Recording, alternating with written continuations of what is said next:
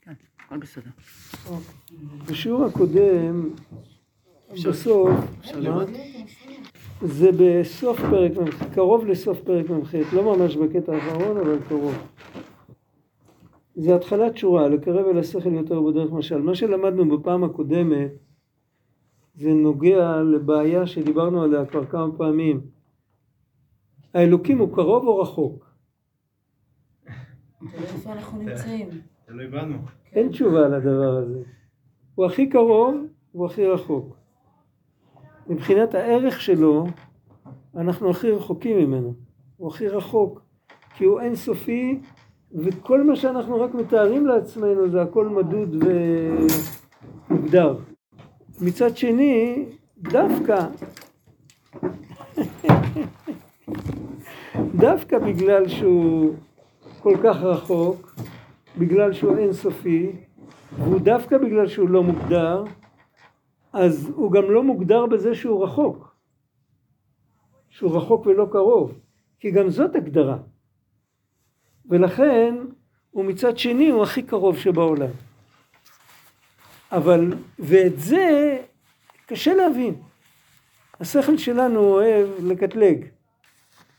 מגיל אפס לימדו אותנו עם כל מיני ספרונים צבעוניים כאלה, אה, אה, גדול וקטן, יחיד ורבים, זוכרים את הספרים האלה? כן, אה.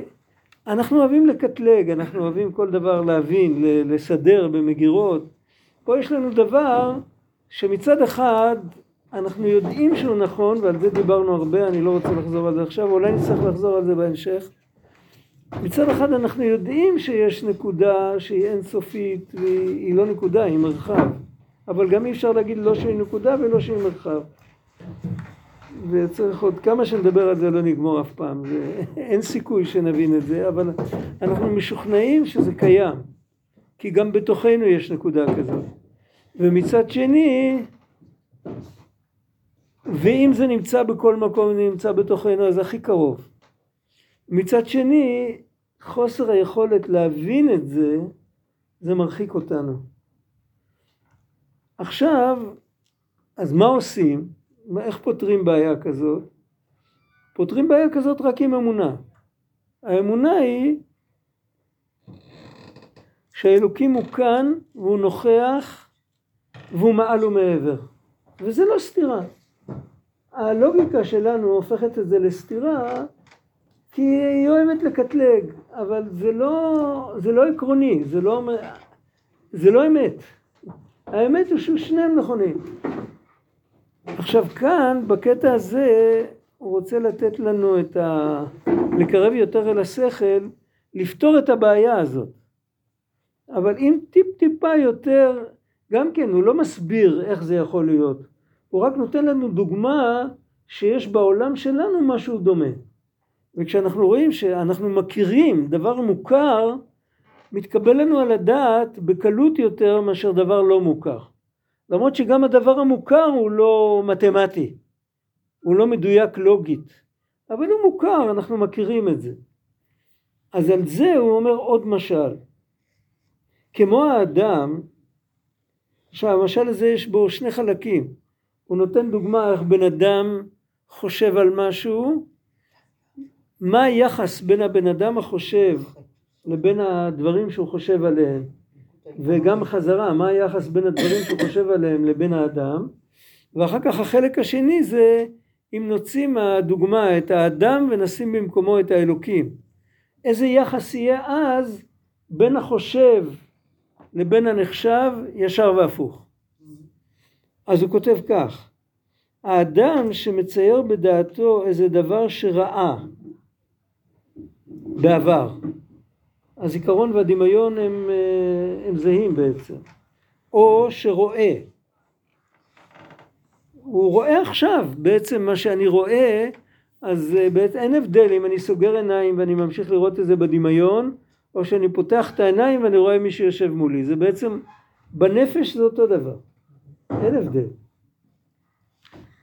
הנה אף שכל גוף עצם הדבר ההוא וגבו ותוכו ותוך תוכו כולו מצויר בדעתו ומחשבתו, מפני שראה הוא כולו, או שרואה הוא, אף על פי שאני קולט את הדבר לגמרי, כן? אני מקיף אותו לגמרי, אף על פי כן הנה נקראת דעתו מקפת הדבר ההוא כולו, והדבר ההוא מוקף בדעתו ומחשבתו, רק מה? שאינו מוקף בפועל ממש, רק בדמיון מחשבת האדם ודעתו. בעצם קשר אמיתי בין הדבר לבין הבן אדם שמתבונן בו זה משהו אחר, זה לא אם רואים אותו ויזואלית אז יש קשר יותר חזק, או אם זוכרים איך שהוא נראה, זה לא קשר יותר חזק. קשר יותר חזק בין, בין בן אדם לחפץ, זה רק אם הוא לא מסכים שיחליפו לו את החפץ וייתנו לו חפץ אחר אותו דבר. זה כמעט לא קורה. אתה קשור למשהו, אם יגידו לך, ייקחו לך את זה, ייתנו לך בדיוק את אותו דבר. עם זיכרון מלא, עם הכל, עם כל ההודעות, כל הזה רק הפלסטיק, המולקולות של הפלסטיק יהיו מולקולות אחרות, זה אכפת למישהו? אוטו, בית, בדיוק אותו דבר, תראה את הנוף בדיוק אותו דבר, את אותה סביבה, את אותו זה. יחליפו לך, ייקחו לך את המשקפיים, ייתנו לך ממש את אותו דבר, אותו דבר, למי זה אכפת? אבל אם יש לי ירושה סידור כתב יד מהאבא של הסבא שלי, נגיד, דוגמה. ספר, בוא נחליף ספרים, תיתן לי, אה? אתה תיתן לי את הספר שלך. כן. אתה יודע, כמה שנים יש לך את הספר? הזה? לא, אין לי סנטימנט לאקספלר הזה. אוקיי. אבל אם יש לי ירושה ממישהו שאני מאוד מאוד אהבתי אותו, אני יודע, זה סידור התפילה שהוא היה מתפלל בו ב- ביום כיפור. עכשיו יביאו לי משהו בדמותו כצלמו, בדיוק אותו דבר, עם אותה שנת דפוס, אותה אנטיקה. הסבא של ההוא התפלל בזה. הכל אותו דבר, אבל זהו, אין מה לעשות. בצורה כזאת אנחנו אוהבים את הצאצאים שלנו, בצורה כזאת אנחנו אוהבים את עצמנו. יש דברים שאנחנו באמת קשורים עם החפץ, אבל אם נסתכל עוד יותר עמוק, אנחנו קשורים עם פן מסוים בחפץ. הפן הזה בחפץ, שאותו קיבלנו מ-X, אותו אחד שמאוד אהבנו אותו, אז אם בפן הזה אנחנו קשורים לחפץ. אבל אם סתם אני יושב ומסתכל על חפץ, אני הולך במוזיאום, ואני רואה את הדברים הכי נפלאים בעולם, זה לא שלי ואני לא קשור עם זה, אז יש כאן איזה פן של דמיון, אני מדמיין, אני קלטתי את החפץ אל תוך תוכי, אני מתרגש מזה, אני, אני אוהב את זה, אבל זה לא באמת קשור אליי. ומצד החפץ זה גם אותו דבר, החפץ, אני לא צריך את זה, יכול להיות שמתחשק לי, אני לא באמת צריך את זה, וגם החפץ לא צריך אותי שאני אסתכל עליו. זה הולך הדדית, כן. אבל אפשר, אבל אני חשבתי שאתה תדבר על זה שאפשר להעמיק את הראייה, כן, להעמיק אותה, ל...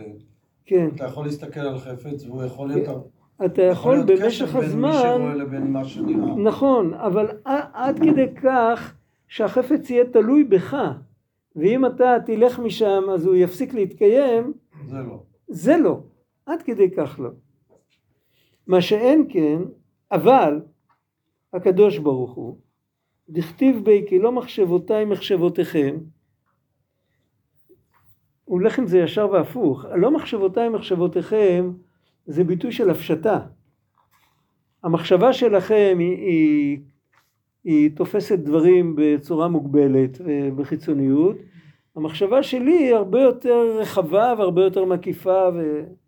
אבל יש גם אפשרות הפוכה, כי לא מחשבותיי מחשבותיכם, המחשבה שלכם היא לא, היא פועלת, אבל היא לא פועלת עד הסוף. מחשבה של אדם, קשה לתאר בן אדם שיחשוב ושיברא מזה משהו. אנחנו לא מכירים דברים כאלה, כן? אבל לא מחשבותיי מחשבותיכם, זה בקטע שלא של ההפשטה, אלא של ההלבשה. שהמחשבה אצל האלוקים היא פועלת והיא מתלבשת וכשהיא נקשרת למשהו אז היא באמת קשורה אליו זה לא רק דמיון זה לא רק התרגשות או התפעמות או משהו כזה אלא באמת הוא קשור לדבר והדבר באמת קשור אליו. ואם הוא יסתלק, אז הדבר לא יתקיים. זה קשור עם קטע ברמב"ם, תכף נזכיר אותו.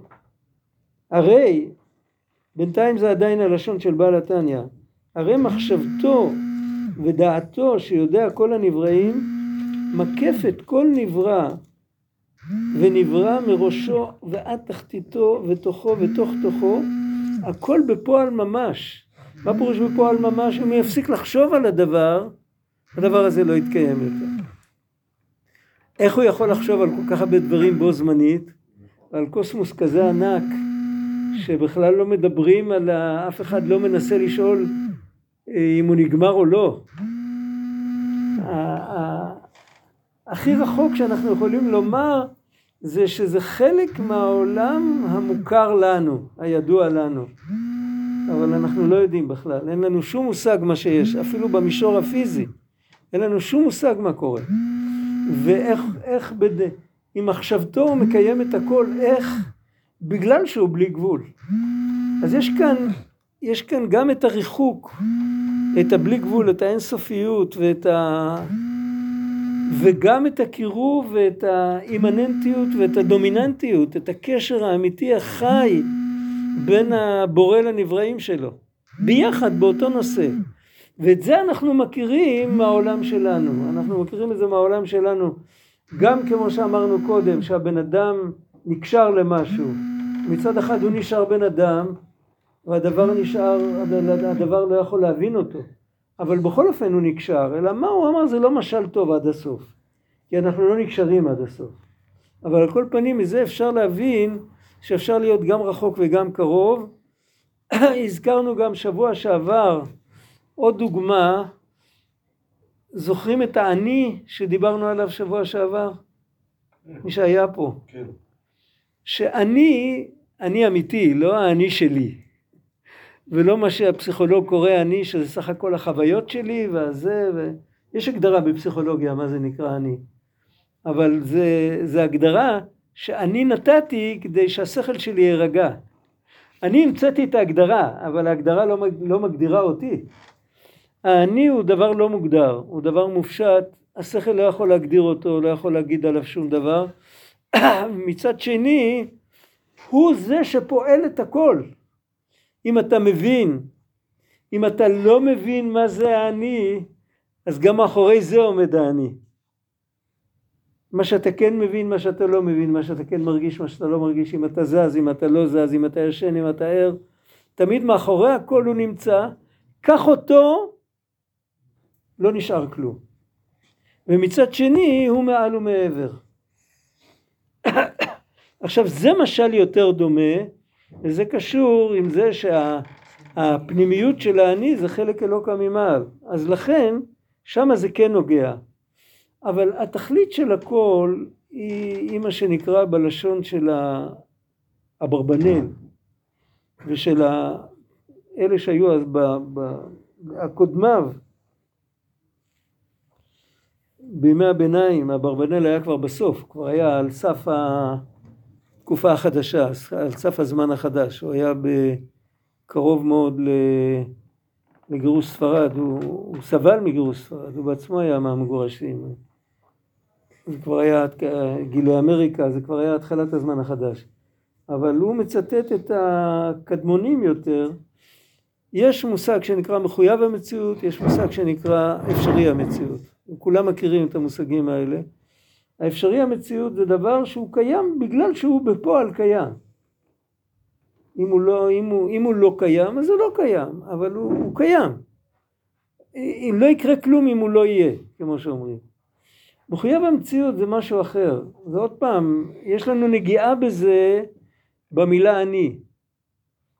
אם בן אדם, אם יבואו לבן אדם ויגידו לו, אתה קיים?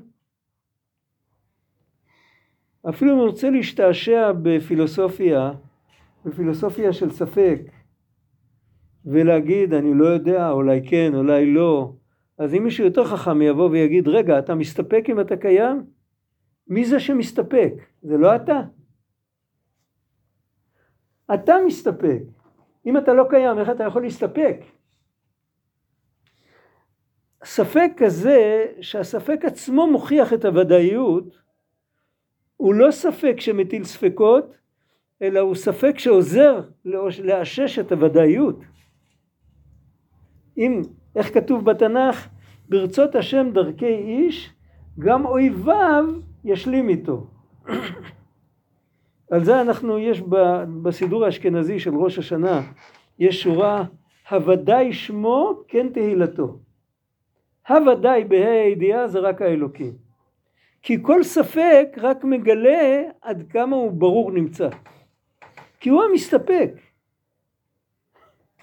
הוא עומד מאחורי כל הדברים האלה. זה המושג של מחויב המציאות. מחויב המציאות זה שכמה שתרצה לחשוב שהוא איננו, אתה רק תגיע למסקנה שזה הוא. ולכן אין אצלו את כל ההגבלות האלה ואת כל, צריך עוד הרבה להסביר את זה. תמיד בא המטריאליסט התורן ואומר, תוכיח לי. כן, מאיפה אתה יודע שיש בכלל דבר כזה מחויב המציאות? אתה יכול להתווכח על אובייקט מסוים אם הוא מחויב המציאות או שהוא, או שהוא אפשרי המציאות, אבל אתה לא יכול להוציא את מחויב המציאות מהפרוטוקול לגמרי. כי אפילו אם תגיד שהכל הכל זה רק אפשרי המציאות, אז יש תמיד מחויב המציאות שמחייב שהם יהיו אפשרי המציאות. הספק עצמו מגלה אותו. אם אני יכול להסתפק, אז יש משהו שמסתפק. והמשהו הזה אני לא יכול לבטל אותו, עם כל הספקות שבעולם. ולכן הוא מצד אחד הוא מאוד רחוק מההשגה שלנו, אנחנו לא יכולים לקטלג אותו, ומצד שני הוא נמצא בכל מקום כי הוא מאחורי חוסר ההשגה שלנו הוא גם נמצא, הוא מתחבא שם. אז אין ספק שיש קשר בין אני לעין. זה כן, ברור שיש קשר. העין זה התיאור שלנו של האני. אנחנו הופכים את סדר האותיות, אבל זה בעצם אותן אותיות. אפשר להגיד על האני שהוא אחד? יותר בקול? אפשר להגיד על האני שהוא אחד? כן, שיש אני אחד רק. נכון, נכון, נכון, לגמרי. אפשר להגיד אנחנו, אבל אין לזה, זה, אנחנו זה כמו, זה אוסף של כל מה שאנחנו משתמשים ביום יום בביטוי אני. זה אני, זה הגוף שלי, זה הטריטוריה שלי, זה הכל זה. אבל אני אמיתי, בשביל זה רב זושה אף פעם לא אמר אני. זוכרים את הסיפורים? הוא, הוא, הוא היה תלמיד של המגיד, המגיד ממזריץ' אמר, ראו אתה כי אני אני הוא, היחיד שיכול להגיד אני זה רק הבורא יתברך. הוא היה תלמיד שלו לגמרי, הוא היה אחד מגדולי תלמידיו. יש סיפור על בעל התניא, סיפר אותו בעלה של נכדתו. הסיפור הזה לא כתוב בספר סיפורים, הוא כתוב בספר חסידות. יש ספר שנקרא ישמח ישראל? מכירים? הרבי מאלכסנדר, הישמח ישראל, הוא ספר חסידות קלאסי, אה, אחד מהספרים הכי, הכי ידועים והכי נלמדים גם. אה, בחלק השני של הספר יש בסוף, יש כל מיני דברים שהתלמידים רשמו מפיו. אז יש שם סיפור. מה הסיפור? הוא סיפר ככה, רבי יעקב ישראל מצ'רקס. הוא היה נכד של רבי מרדכי מצ'רנובל. או בן שלו, נכד שלו, אני לא זוכר, נכד של רבי נחמן מצ'רנובל. הוא היה נשוי לנכדתו של בעל התניא. והוא הוא היה אצלו הרבה, הוא היה אצלו הרבה, הוא גם השאיר ספר. הספר שלו הוא מלא עם רעיונות של בעל התניא. אני לא זוכר איך קוראים, פעם ביריד החסידות מכרו את הספר, אני כבר שכחתי את השם. מישהו הראה לי את זה. זה ספר שכתוב בקיצור, ספר מאוד עמוק, ספר נפלא. וקראו לו רבי יעקב ישראל מצ'רקס. צ'רקס זה עיר גדולה שם, עיר המחוז באוקראינה. אחד מהערים הגדולים. הוא היה בתור אברך, לפני שהוא נהיה אדמו"ר, לפני שהוא הנהיג אה, עדה, הוא היה נוסע הרבה לסבא של אשתו, ופעם הוא מספר, היה ארוחת צהריים בערב יום כיפור. זה בעצם הייתה ארוחת בוקר מאוחרת. היה ארוחה, הסעודה מפסקת לפנות ערב, והיה ארוחת צהריים. בסעודה מפסקת היה לה אופי אחר, פחות דיברו וזה. בסעודה, בסעודה הזאת ככה 11-12 בבוקר, היו עושים סעודה, ואז דיברו. ואז אה, בעל התניא, הוא עמד מאחוריו. ככה הוא מספר, אני עמדתי, לא ישבתי בשולחן, ישבו המבוגרים, אני הייתי בחור צעיר, עמדתי מאחורי הגב שלו, אבל עמדתי קרוב ויכלתי לשמוע כל מילה. אז הוא אמר, יכול להיות שרב זושי כבר אז לא היה בחיים. לא יודע. אני חושב שהוא נפטר הרבה לפניו, הוא היה יותר מבוגר. הוא אמר ככה, כשרב זושי היה אומר, הבורא ברוך הוא, אז הוא היה נתקף באימה כזאת, שאחר כך הוא היה שלוש ימים רועד. ואצלנו יש התבוננות והתבוננות, ומה הוא רצה לסיים? שום דבר לא קורה, נכון? אבל במקום זה הוא אמר אצלנו אנחנו מתבוננים ומתבוננים והוא התעלף. זה הסיפור שהוא סיפר. ואת זה, זה הסיפור הזה הגיע לרבי מאלכסנדר, לא יודע איך, הוא לא כתוב שם, וזה הוא סיפר לתלמידים שלו, ואת זה הם הדפיסו בסוף, בסוף הישמח ישראל, יש שם כמה סיפורים. אז הוא הדפיס את זה, זה סיפור אותנטי, זה לא, מס, לא מקובץ של סיפורים, זה מתוך ספר של דברי תורה, ויודעים בדיוק מאיפה זה הגיע. עכשיו, מה העומק של הסיפור הזה? העומק של הסיפור הזה, שכן אפשר על ידי התבוננות להגיע למשהו. כי אחרי ככלות הכל אתה יכול למצוא את הקדוש ברוך הוא לא רק מעבר לשכל, אלא גם בתוך השכל.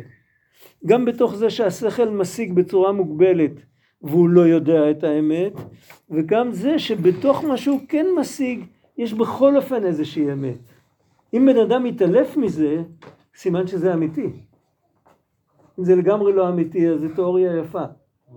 זה, זה סתם בשביל להתפלפל. אז כל זה, זה הכל בשביל לחבר חזרה את שתי הקצוות, לא להשאיר את האלוקים רחוק. איך שהוא דיבר בתחילת הפרק, זה יכל להשאיר אותנו עם אלוקים מנוכר, רחוק, אינסופי, שלעולם ועד לא נגיע אליו. ואיכשהו כאן הוא ממתיק את זה, הוא כותב, הוא לקרב יותר אל השכל. הביטוי לקרב יותר אל השכל הוא דו משמעי. יש לקרב יותר אל השכל, בוא נעשה לך את זה יותר הגיוני. זה הביטוי הקלאסי של לקרב יותר. אבל כאן הוא מדבר באמת לקרב יותר את האלוקים אל הכוחות המוגבלים שלנו, שהוא יאיר לנו בתוך השכל. אז אם נתבונן במשל הזה, אז נוכל להבין שבכל אופן יש לנו קשר איתו. ואנחנו קשורים, קשורים מצד פנימיות הנשמה, וקשורים גם מצד המעשים שלנו, ואחרי ככלות הכל, כשבן אדם בוחר להתבונן, זה בחירה. ובחירה היא שווה ערך למעשה טוב. אפילו אם הוא לא עשה עם הידיים כלום. אבל עצם זה שהוא מסכים להקדיש זמן ולחשוב על משהו, הוא בחר בטוב. ובחירה בטוב זה הקשר הכי עשיר עם האלוקים. זה לוותר על הנוחיות שלי, לוותר על... להשתעבד לקבל על עצמי עול מלכות שמיים. אדרבה, לקבל עול מלכות שמיים במוח זה יותר קשה מאשר לקבל עול מלכות שמיים בידיים וברגליים. לזוז יותר קל מאשר לש... לשבת ולחשוב. אלא אם כן הבן אדם הוא נכה והוא לא יכול לזוז, אבל בדרך כלל לרכז את המעשה במשהו הרבה יותר קל מאשר לרכז את המחשבה. ותזכרו מה שדיברנו פעם, המחשבה, רבנו אמר, שהמחשבה זה האום רו שיש בשעון. את יודעת מה זה. יש רו, מה זה רו? מנוחה. מנוחה. מה זה אום רו? חוסר מנוחה. חוסר מנוחה. במטולטלת של השעון, המחשבה שלנו בנויה ככה, דיברנו על זה הרבה פעמים. והטבע של המחשבה שלנו והטבע של התודעה שלנו זה כל הזמן לזגזג. עצור ושוב. אם אנחנו מנצלים את הטבע הזה ועובדים איתו את השם, אז ניצחנו. אם אנחנו מנסים להתנגד לו, אז אנחנו נופלים. הבן אדם מנסה להתרכז כל הזמן, כל הזמן, כל הזמן, המחשבה בורחת לו הכי מהר. יש דברים שאתה לוחץ עליהם, אתה רוצה להחזיק ביד, אז זה אף יותר רחוק. הבן אדם צריך להתרגל הפלא יועץ כותב את זה, הוא היה אחד מרבני הבלקן לפני 200 שנה בערך. יודעים מי זה היה? הוא היה הרב בסליסטרה, מה זה היום? בולגריה? משהו כזה. הוא הוא היה מגדולי המקובלים, מגדולי הפוסקים גם בדור שלו. הוא כותב, התפילה צריכה להיות ברצו ושוב. זאת אומרת, יש איזה... צריך לתת איזה שתי נקודות שהנדידה של הנפש תוכל למצוא לעצמה את, ה... את הטבע שלה לנדוד, ושבשתי הנקודות האלה יהיו בתוך התפילה. חז"ל גם אמרו לעולם בתפילה יראה האדם את עצמו כעומד לפני המלך, הוא יראה את עצמו כעומד לפני המלך. יש מדרגה מאוד גבוהה שהוא רואה רק את המלך. זה לא בשבילנו. אנחנו לא יכולים להחזיק שם, קודם כל לא מבחינת המדרגה שלנו וגם לא מבחינת הריכוז כל הזמן.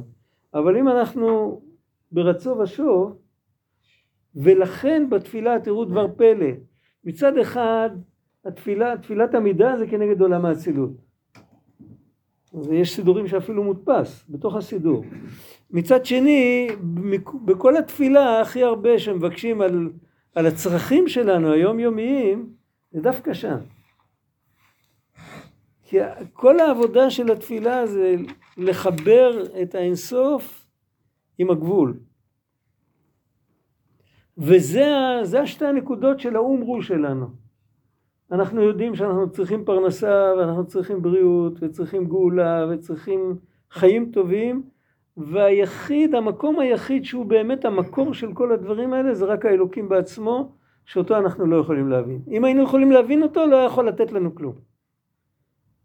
אז היה עוד מלאך אחד. אבל הוא לא יכול, לא יכול לברוא, הוא בעצמו היה נברא. הוא לא יכול לברוא ולא יכול להשגיח ולא יכול לעשות שום דבר. יכול להיות רק מקסימום שליח. נושא מכתבים, דבר, אבל את הדבר בעצמו לא היה לנו. ומתוך זה, אז זה העומק שיש כאן, של לקחת, לעשות את החיבור, לקרב אל השכל. עכשיו, איך הוא מגדיר את המחשבה של הקדוש ברוך הוא? הוא לא מחשבותיי מחשבותיכם. ומחשבתו ודעתו, אני קורא פעם שנייה, שיודע כל הנבראים, מקף את כל נברא ונברא מראשו ועד תחתיתו ותוכו ותוך תוכו, הכל בפועל ממש, והוא מביא דוגמה מאחד מהדברים שאנחנו, מהאדמה שתחת רגלינו, למשל, כדור הארץ הלזו, הוא נותן לנו במה להתבונן, לא צריך ללכת רחוק. איפה שאנחנו נמצאים יכולים להוריד את העיניים למטה ולראות את כדור הארץ. הרי ידיעתו יתברך מקפת כל עובי כדור הארץ וכל אשר בתוכו ותוך תוכו הוא נראה בפנים אחרת לגמרי מה שהפריפריה שלו. מי שלמד קצת אה, פיזיקה, הדברים האלה, אי אפשר לחיות בתוך כדור הארץ.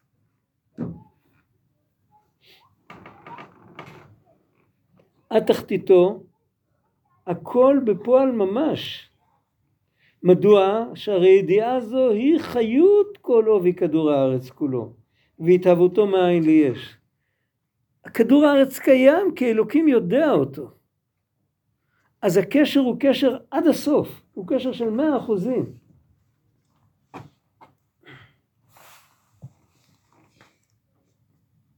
והתהוותו מאין ליש. רק שלא היה מתהווה כמות שהוא עתה, בעל גבול ותכלית, וחיות מועטת מאוד כדי בחינת דומם וצומח, אם לא על ידי צמצומים רבים ועצומים. אבל זה לא סתירה. הצמצום הוא צמצום, זה כמו, כמו, כמו אצלנו, בדיוק אותו דבר, אותו סיפור. כשבן אדם כותב, או כשבן אדם שר, או כשבן אדם עובד עם הכוש, זה לא משנה, כשהוא נוהג. יש כאן שתי הבחנות, הבן אדם עושה את זה, לא אף אחד אחר. מה הוא עושה עכשיו? יכול להיות שהוא מתעסק עם דבר שגם בן אדם שהוא אלף מדרגות פחות ממנו יכול לעשות את זה בדיוק טוב כמוהו. זאת אומרת הדבר הזה לא מבטא את מעלת האדם ואף על פי כן רק האדם עושה את זה ולא אף אחד אחר. ואותו דבר מה שאנחנו, כל מה שאנחנו רואים בבריאה זה נטו רק האלוקים למרות שזה לא מבטא את האלוקים בכלל. איפה זה כתוב? זה כתוב בתיקוני זוהר אי הוא תפיס בחול הוא עלמין ולית מאן דתפיס בי. הוא תופס את כל העולמות ואין אף אחד שתופס בו. זה, זה היחס.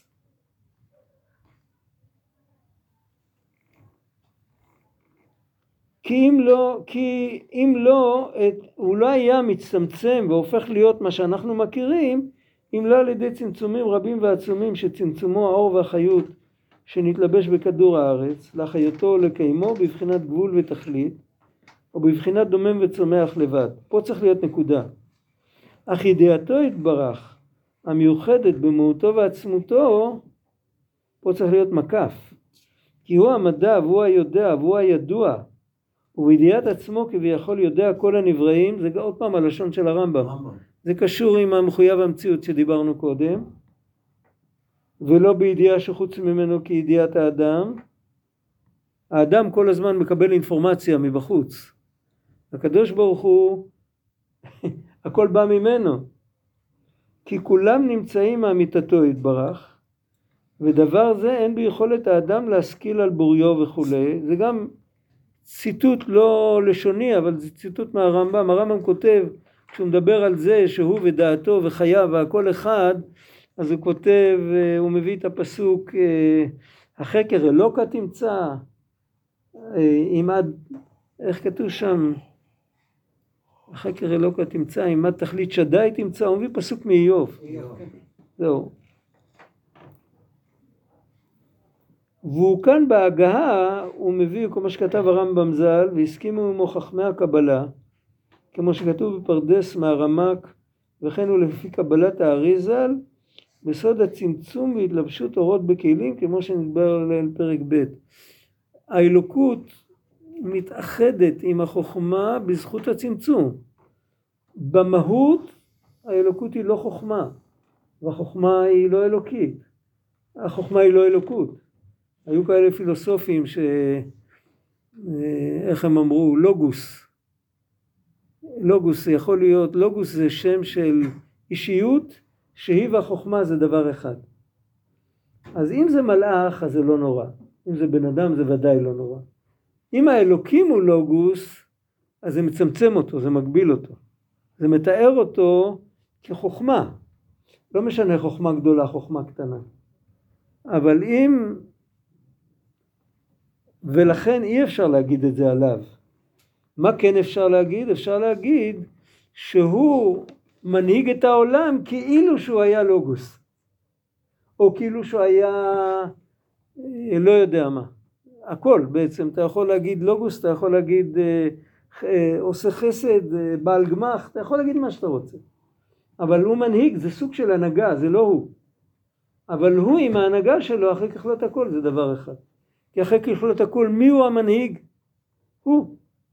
רק הוא מנהיג בצורה כזאת שלא מבטאת את הפוטנציאל שלו, את העושר האינסופי שלו. אם הוא היה מנהיג בצורה שכן מגלית את הכל, אז לא היה שום דבר, הכל היה אינסופי. הרב גד? הרב? יש סיפור, יש סיפור על רבי נתן, התלמיד של רבי נחמן, שהוא נפגש עם איזה פילוסוף שהוא היה כופר, ואז אה, באיזושהי צורה הוא איבד את הזונות, הוא אמר לו, אני ראיתי את אלוקים, ורואים שהוא האמין לו. אני חיפשתי את זה כל הזמן, חזק וברוך. אני הרגשתי שאני שוכח משהו, ולא ידעתי מה אני שוכח. איך ברגע פתאום הוא אמר לו את הפסוק בתנ"ך, בתנ"ך כתוב ויראה את השם בישעיהו, ויראה את השם יושב על כיסא רם ונישא.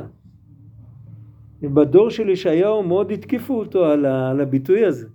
שולב מלאים את ההיכל. לא שמעתי. ושולב מלאים את ההיכל. כן, שם כתוב, הוא יושב על כיסא רם ונישא, שולב מלאים על ההיכל, את ההיכל. אבל זה התלבשות. אבל הוא ציטט מתוך זה רק את ויראה את השם, מתוך הפסוק. אמר לו, מה אתה מדבר איתי על אלוקים? ויראה את השם. מה הוא התכוון להגיד לו? הוא התכוון להגיד לו כל מה שדיברנו קודם.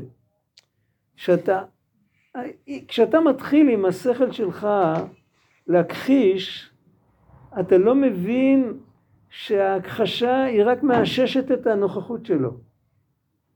זה על רמה, זה בעצם הרבה יותר עמוק מאשר ראייה.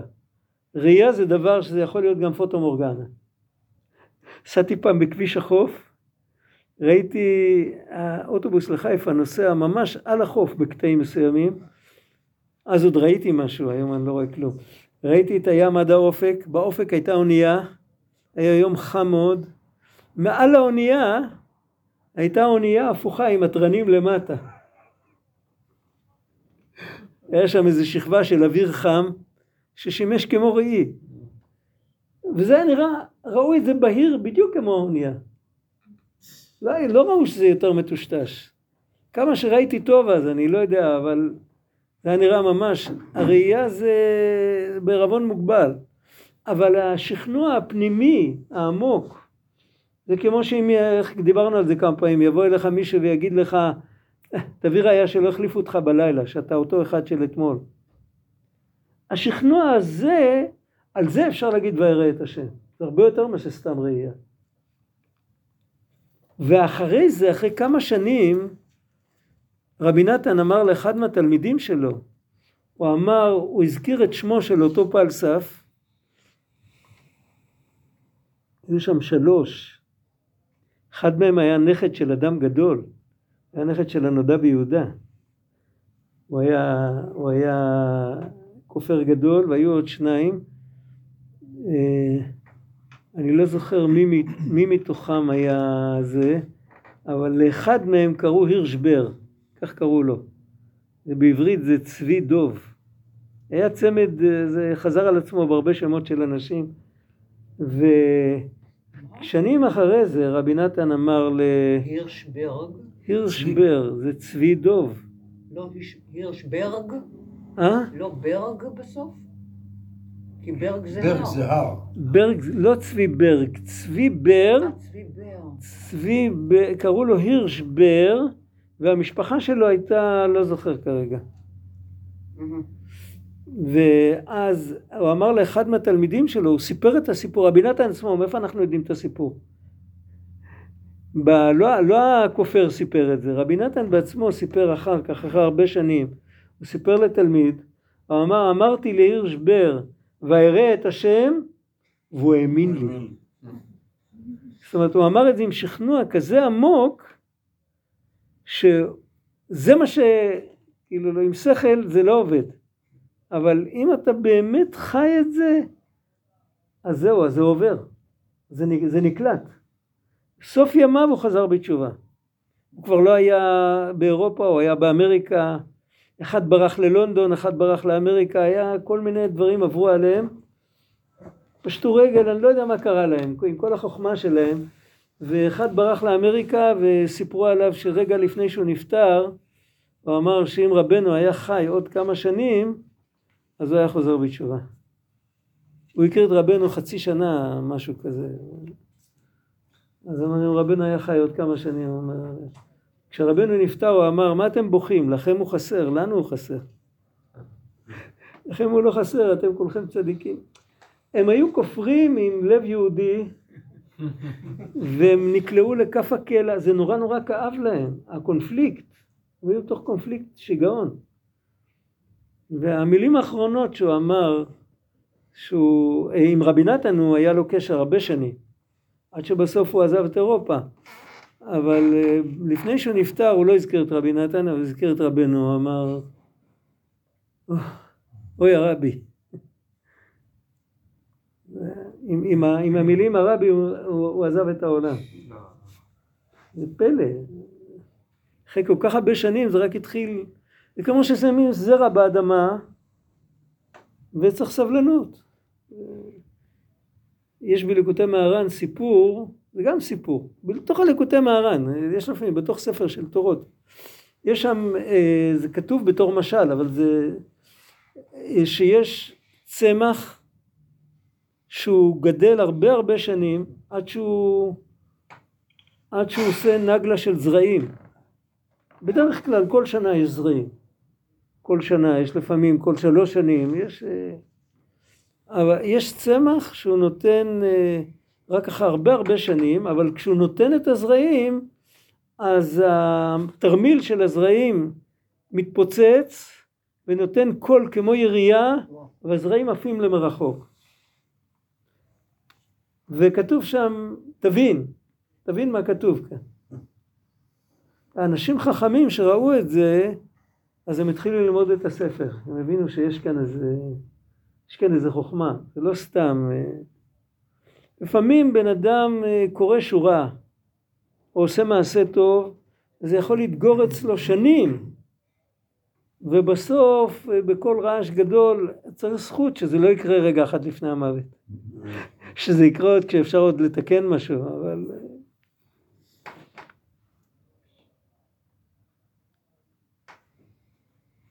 הרי ידיעה זו, הידיעה הזאת שהיא הידיעה השלמה של השם, אשר לא מתבטאת בתוך הנברא, הידיעה הזו, מאחר שהיא בבחינת אינסוף, אינה נקראת בשם מתלבשת בכדור הארץ, שהוא בעל גבול ותכלית, אלא מקפת וסובבת.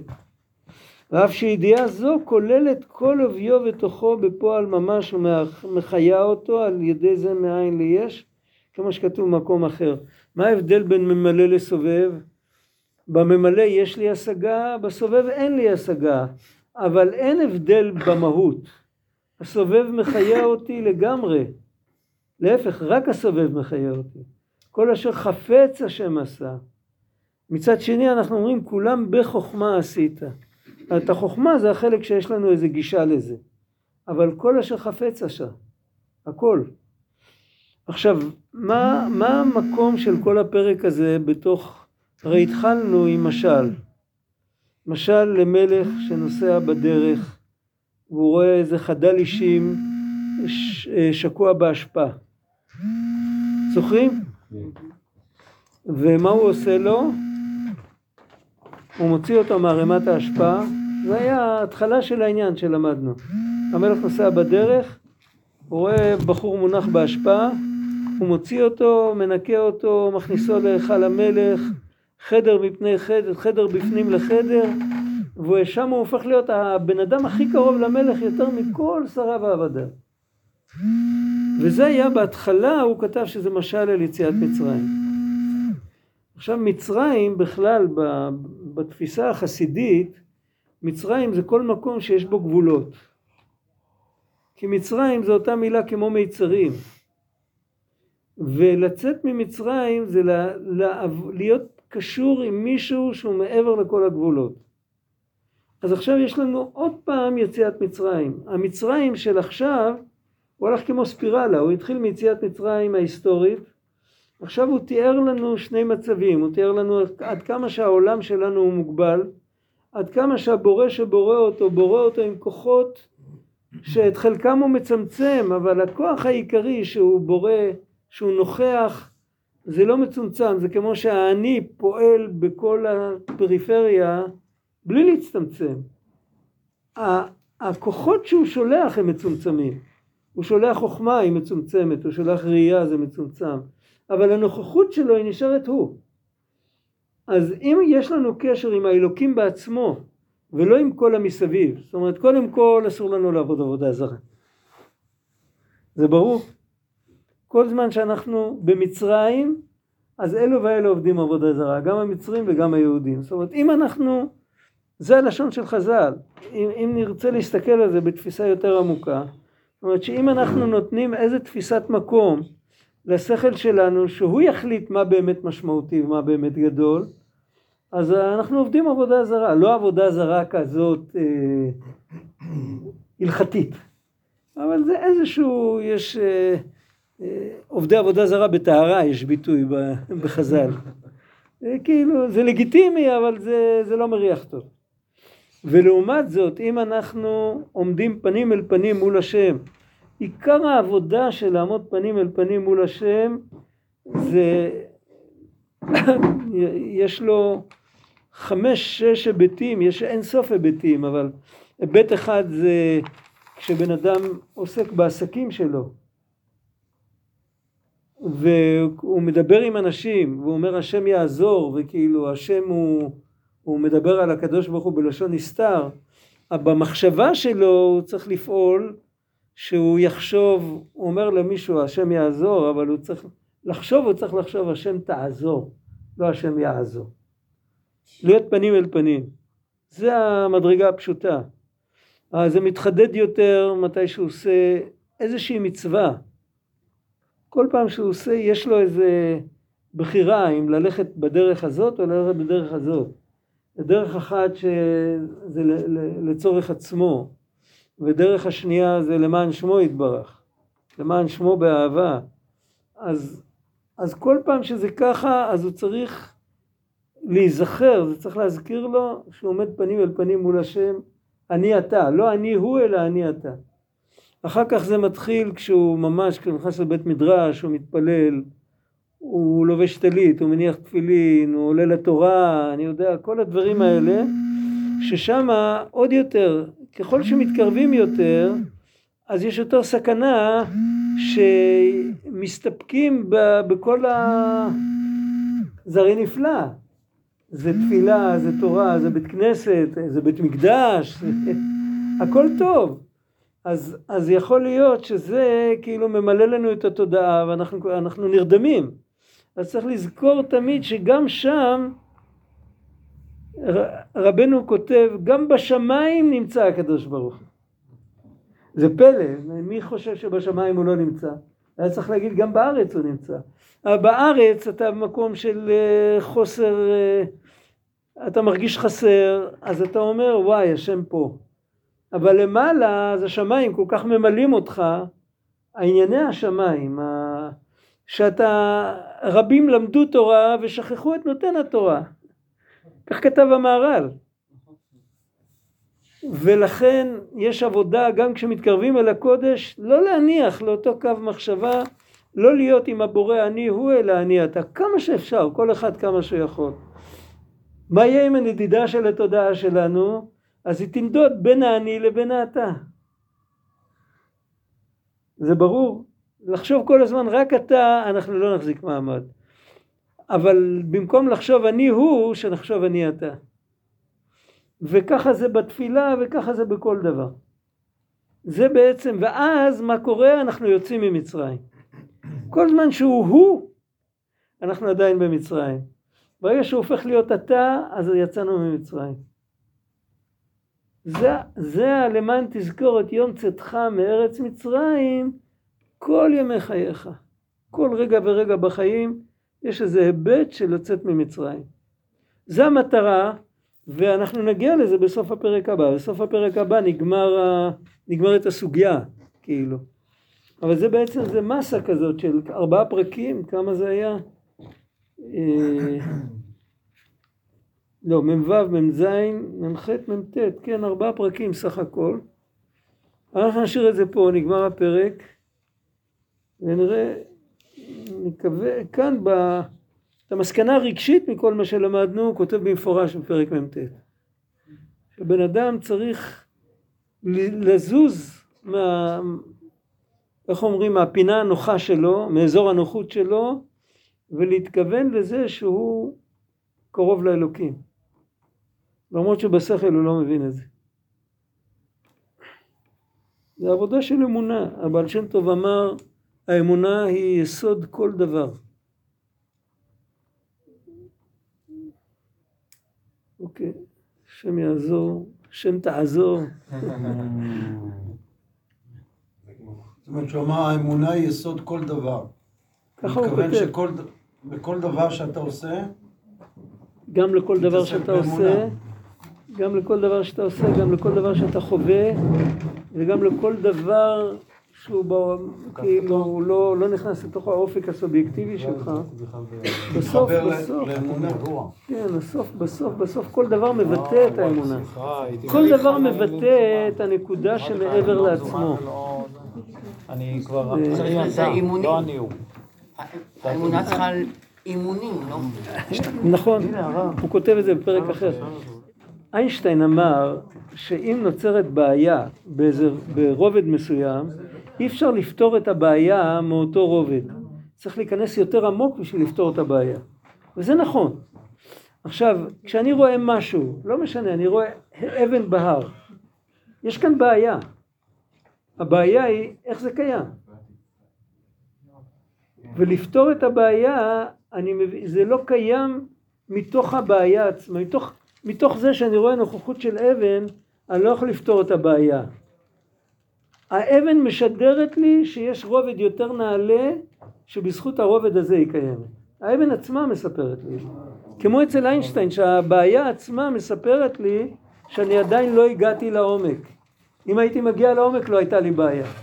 אז הבעיה לא באה לחסום אותי, אלא היא באה לקרב אותי. חשבתי על זה פעם שזה כמו. מי שזוכר את המסלול מכשולים בצבא, הקיר. הקיר בא ללמד אותי שקיר לא יעצור אותי. זה כל מה שהוא בא. זה קיר שלא מחובר לכלום. באמצע השביל יש לך קיר. נראה כל כך מטומטם, אה, לא שצריך לטפס עליו? שצריך לקפוץ עליו. כל העניין של הקיר זה לדעת לרוץ, ועם תנופה לשים עליו שני ידיים ולקפוץ, לזרוק את כל הגוף. בסוף כולם עושים את זה, אבל פעם ראשונה שרואים את הקיר, אז באופן טבעי הולכים לעקוף אותו. אז המדע צועק לך, היי, לא, זה לא חוכמה. את הקיר הזה אנחנו נעבור. זה ככה כל החיים, והאמת שזה לא רק בדבר שלא מבינים, גם בקשיים של החיים, כשיש קושי, כשיש כאב, כשיש כאב פיזי, כשיש כאב מנטלי, בקשיים של החיים זה הכל אותו דבר. קושי בא כדי ללמד אותנו שקושי לא יכול להכריע אותנו. זה המטרה שלו. היה אצל חסידים בחוץ לארץ, היה שיר, אני לא יודע באיזה שפה זה היה, שפה סלאבית כלשהי, שהיו שרים אם תבוא אש היא לא תשרוף אותנו ואם יב, אם, אם יבואו המים הם לא ישטפו אותנו. שיר קצבי כזה, יכול להיות שלקחו את המנגינה מהגויים, לא יודע. אבל זה היה המילים של המנגינה, זה היה... אוקיי. אה,